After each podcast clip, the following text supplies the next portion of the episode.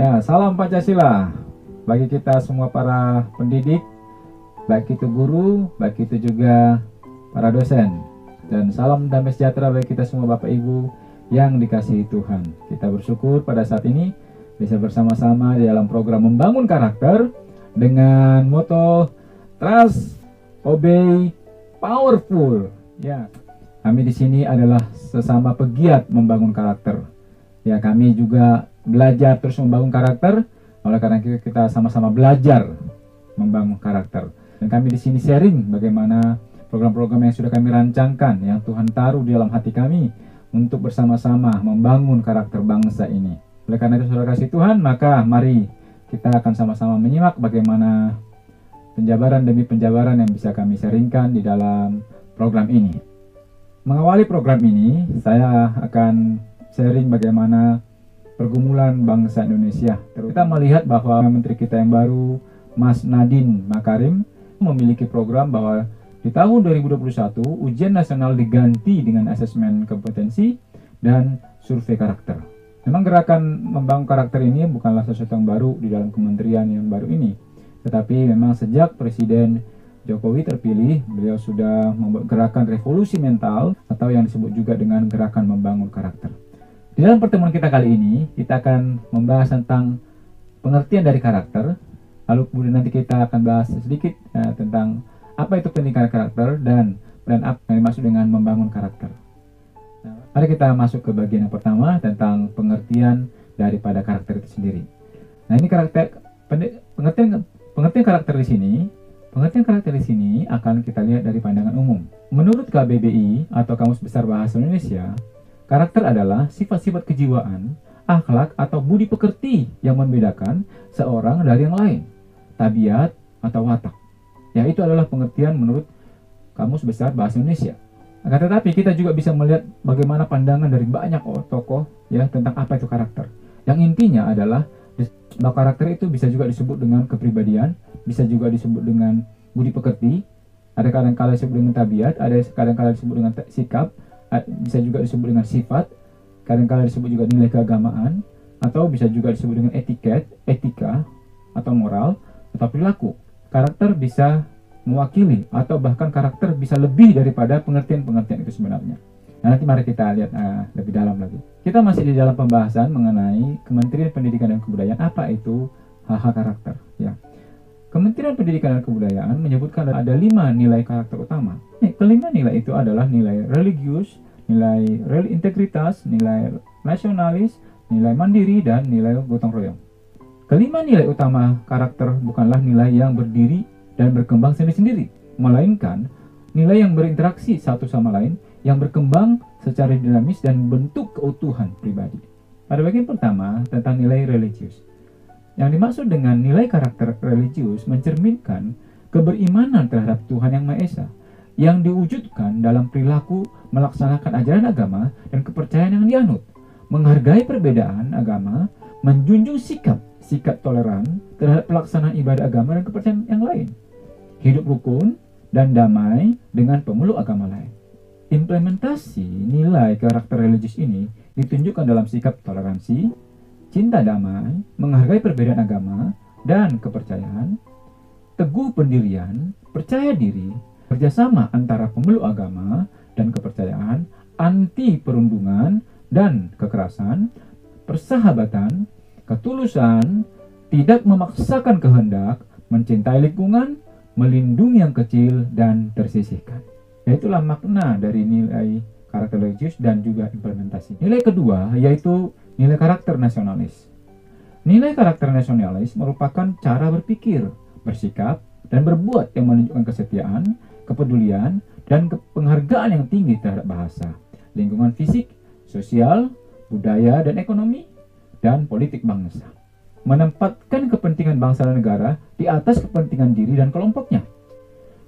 Sikap nasionalis ditunjukkan melalui sikap apresiasi budaya bangsa sendiri, menjaga kekayaan budaya bangsa, rela berkorban, unggul, dan berprestasi, cinta tanah air, menjaga lingkungan, taat hukum, disiplin, menghormati keragaman budaya, suku, dan agama. Hal itu adalah yang dimaksud dengan nilai karakter nasionalis. Nilai karakter utama yang ketiga adalah nilai karakter integritas. Adapun nilai karakter integritas merupakan nilai yang mendasari perilaku yang didasarkan pada upaya menjadikan dirinya sebagai orang yang selalu dapat dipercaya dalam perkataan, tindakan, dan pekerjaan. Memilih komitmen dan kesetiaan pada nilai-nilai kemanusiaan dan moral. Karakter integritas meliputi sikap tanggung jawab sebagai warga negara, aktif terlibat dalam kehidupan sosial, melalui konsistensi tindakan dan perkataan yang berdasarkan kebenaran. Seseorang yang berintegritas juga menghargai martabat individu, terutama penyandang disabilitas, serta mampu menunjukkan keteladanan. Ya, nilai selanjutnya, nilai keempat dari nilai karakter utama adalah nilai karakter mandiri.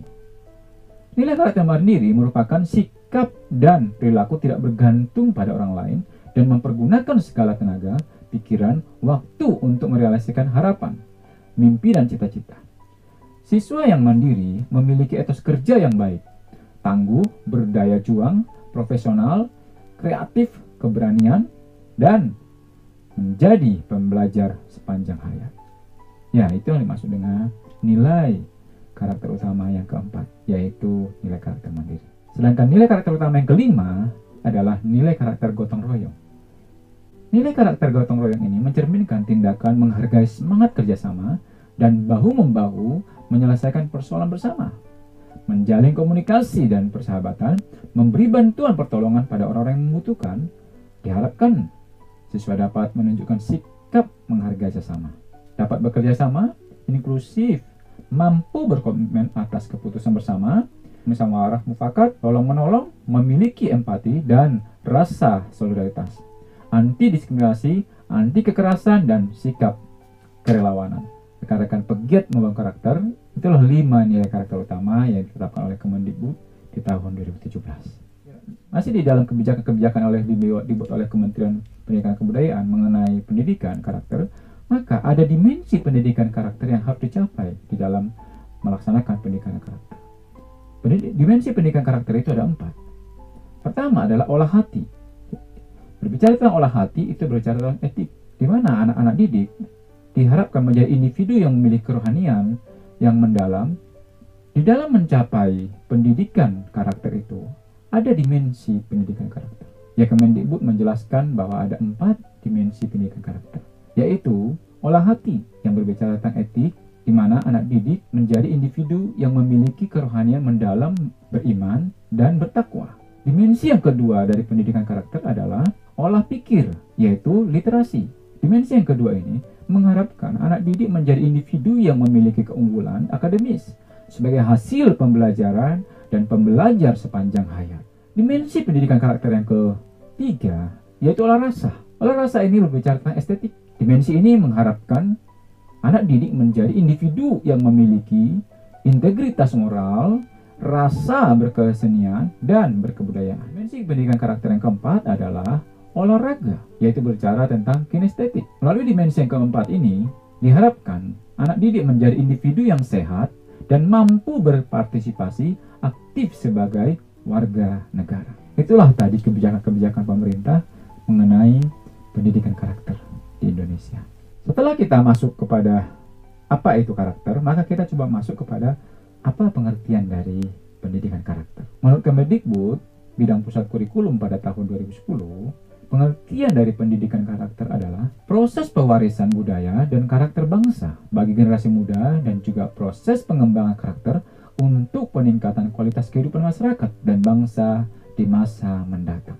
Dalam proses pendidikan karakter ini, secara aktif peserta didik mengembangkan potensi dirinya, melakukan proses internalisasi dan penghayatan nilai-nilai menjadi kepribadian mereka dalam bergaul di masyarakat, mengembangkan kehidupan masyarakat yang lebih sejahtera, serta mengembangkan kehidupan bangsa yang bermartabat. Demikianlah pengertian dari pendidikan karakter menurut Kemendikbud pusat kurikulum pada tahun 2010. Bapak Ibu saudara-saudari dan rekan-rekan pegiat pendidikan karakter, sebenarnya kalau kita lihat berdasarkan sejarah dunia, maka terminologi pendidikan karakter sebenarnya mulai dikenalkan sejak tahun 1900-an, yaitu oleh seorang tokoh yang bernama Thomas Licona. Thomas Lekona dianggap sebagai pelopor pendidikan karakter karena dia banyak menuliskan buku-buku yang membahas tentang pendidikan karakter. Buku-buku yang ditulis oleh Thomas Lekona ini antara lain adalah seperti ini.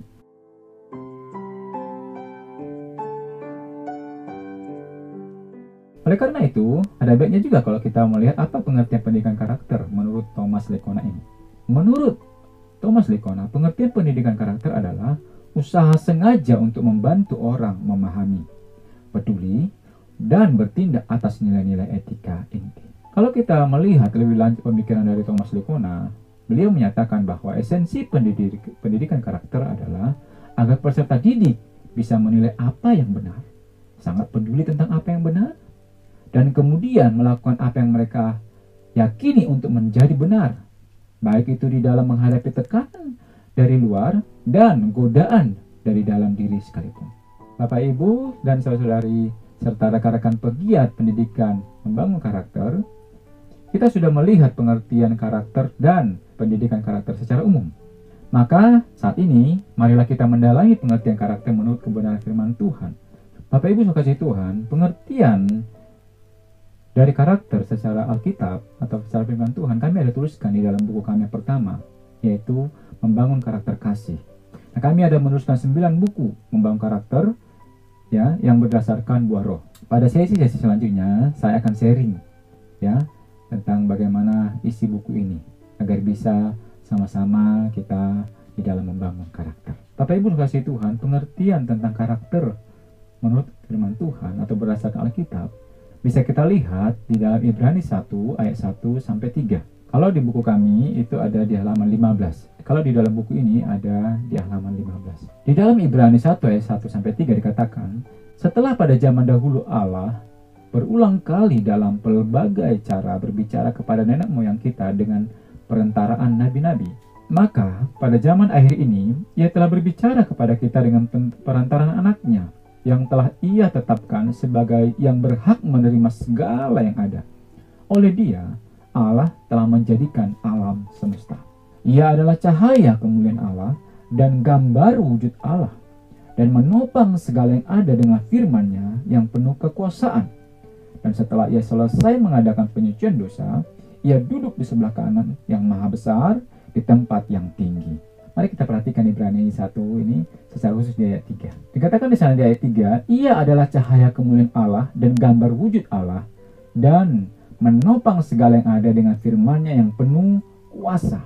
Kita bisa mengerti bahwa ia yang dimaksud di sini adalah Yesus adalah cahaya kemuliaan Allah dan gambar. Nah, kalau kita melihat di bahasa aslinya, ya, di dalam bahasa Yunani, kata gambar di sini sebenarnya itu adalah kata karakter. Jadi Ibrani 1 ayat 3 ini bisa kita baca Yesus adalah cahaya kemuliaan Allah dan gambar Allah.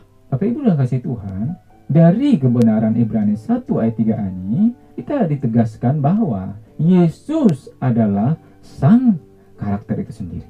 Hal ini sebenarnya sesuai dengan kisah penciptaan manusia. Ya kalau kita melihat tadi di ayat 2 dikatakan, maka pada zaman akhir ini ia telah berbicara kepada kita dengan perintah anaknya yang telah ia tetapkan sebagai yang berhak menerima segala yang ada. Oleh dia, Allah telah menjadikan alam semesta. Berdasarkan ayat 2 ini, kita diarahkan kepada kisah penciptaan di kitab kejadian 1 ayat 26. Nah, secara khusus adalah kita melihat di bagian ayat, berfirmanlah Allah, baiklah kita menjadikan manusia menurut gambar dan rupa kita.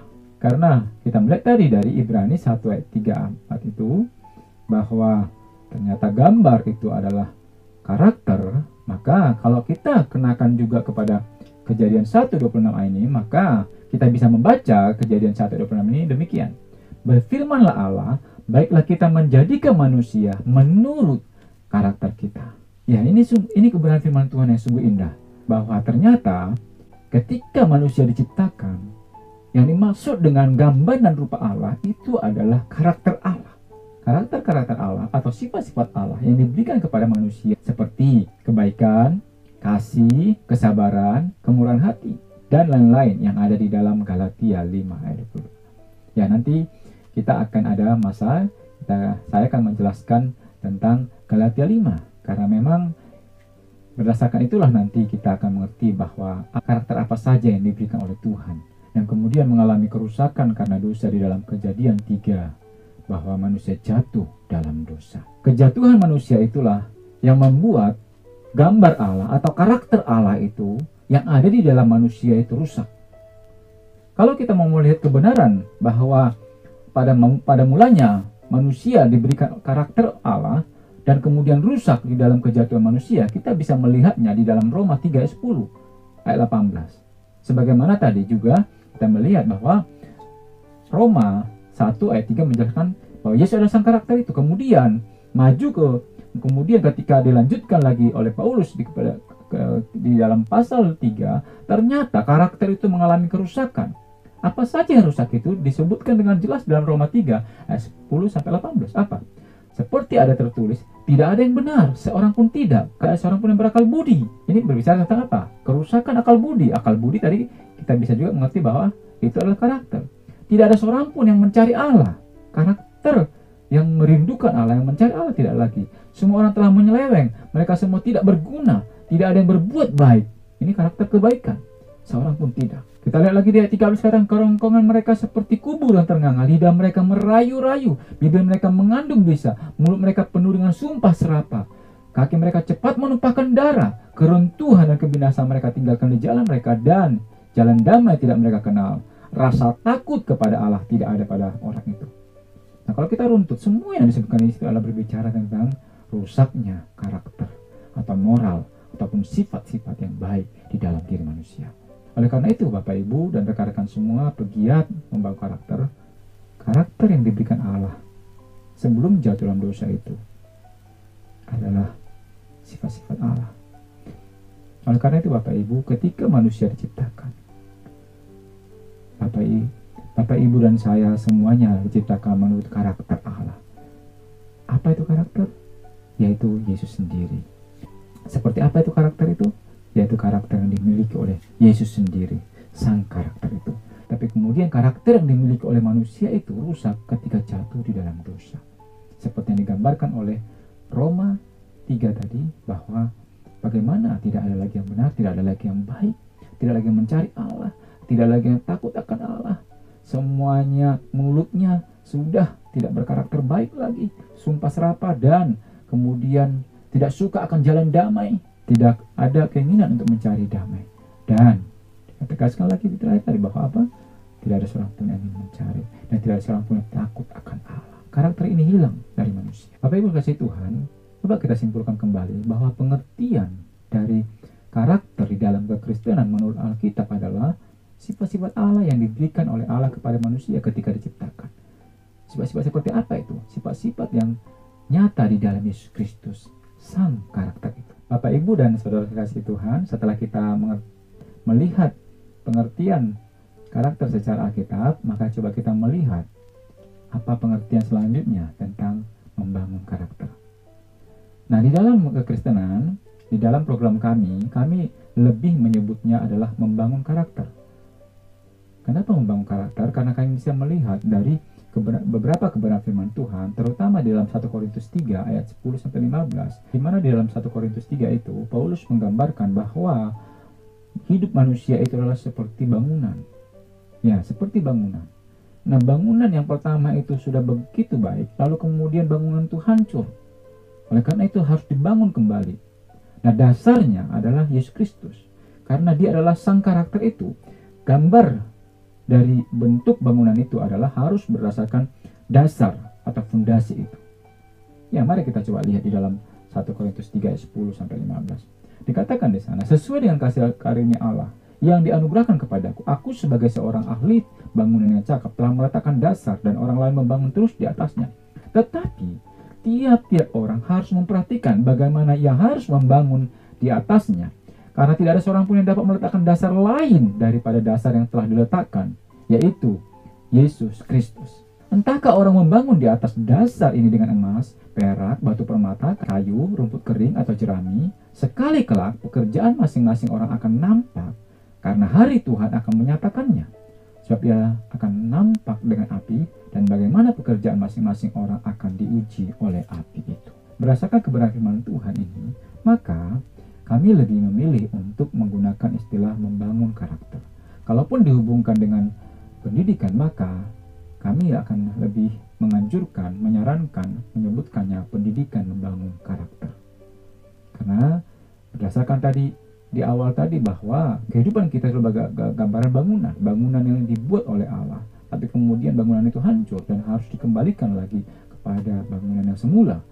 Tetapi pundasinya adalah pondasi yang sama, yaitu Yesus Kristus sendiri. Sebagaimana di awal penciptaan bahwa diciptakan menurut gambar, maka bangunan itu adalah harus dibangun berdasarkan gambar itu. Nah, Bapak Ibu kasih Tuhan, oleh karena itu kita akan melihat apa arti daripada apa pengertian daripada membangun karakter. Bapak Ibu kasih Tuhan, berdasarkan daripada kebenaran firman Tuhan dari penciptaan kemudian masuk dan Roma tadi dan lalu kemudian satu Korintus maka kami membuat sebuah pengertian dari membangun karakter yaitu memproses pemulihan sifat-sifat manusia menjadi seperti Yesus atau menjadi seperti gambar Allah yang semula atau menjadi seperti sang karakter itu yaitu Yesus sendiri. Kalau disederhanakan sebenarnya proses membangun karakter itu adalah menjadi seperti Yesus. Ya Bapak Ibu, seperti puji-pujian kita yang sering kita nyanyikan. Ku mau menjadi sepertimu Yesus. Bapak Ibu yang kasih Tuhan, mari kita perhatikan beberapa prinsip dasar dalam pengertian membangun karakter tadi. Prinsip pertama adalah membangun karakter merupakan suatu proses, bukan suatu suatu hal yang instan. Ya sebagaimana hidup ini, ya hari demi hari itu harus berproses di dalam membangun karakter, bukan tiba-tiba. Sama halnya juga di dalam istilah teologi adalah proses pengudusan. Proses pengudusan juga bukan sesuatu yang instan, tetapi hari demi hari, day by day bersama dengan Tuhan. Prinsip kedua adalah menggunakan metode pemulihan. Mengapa metode pemulihan, Bapak Ibu?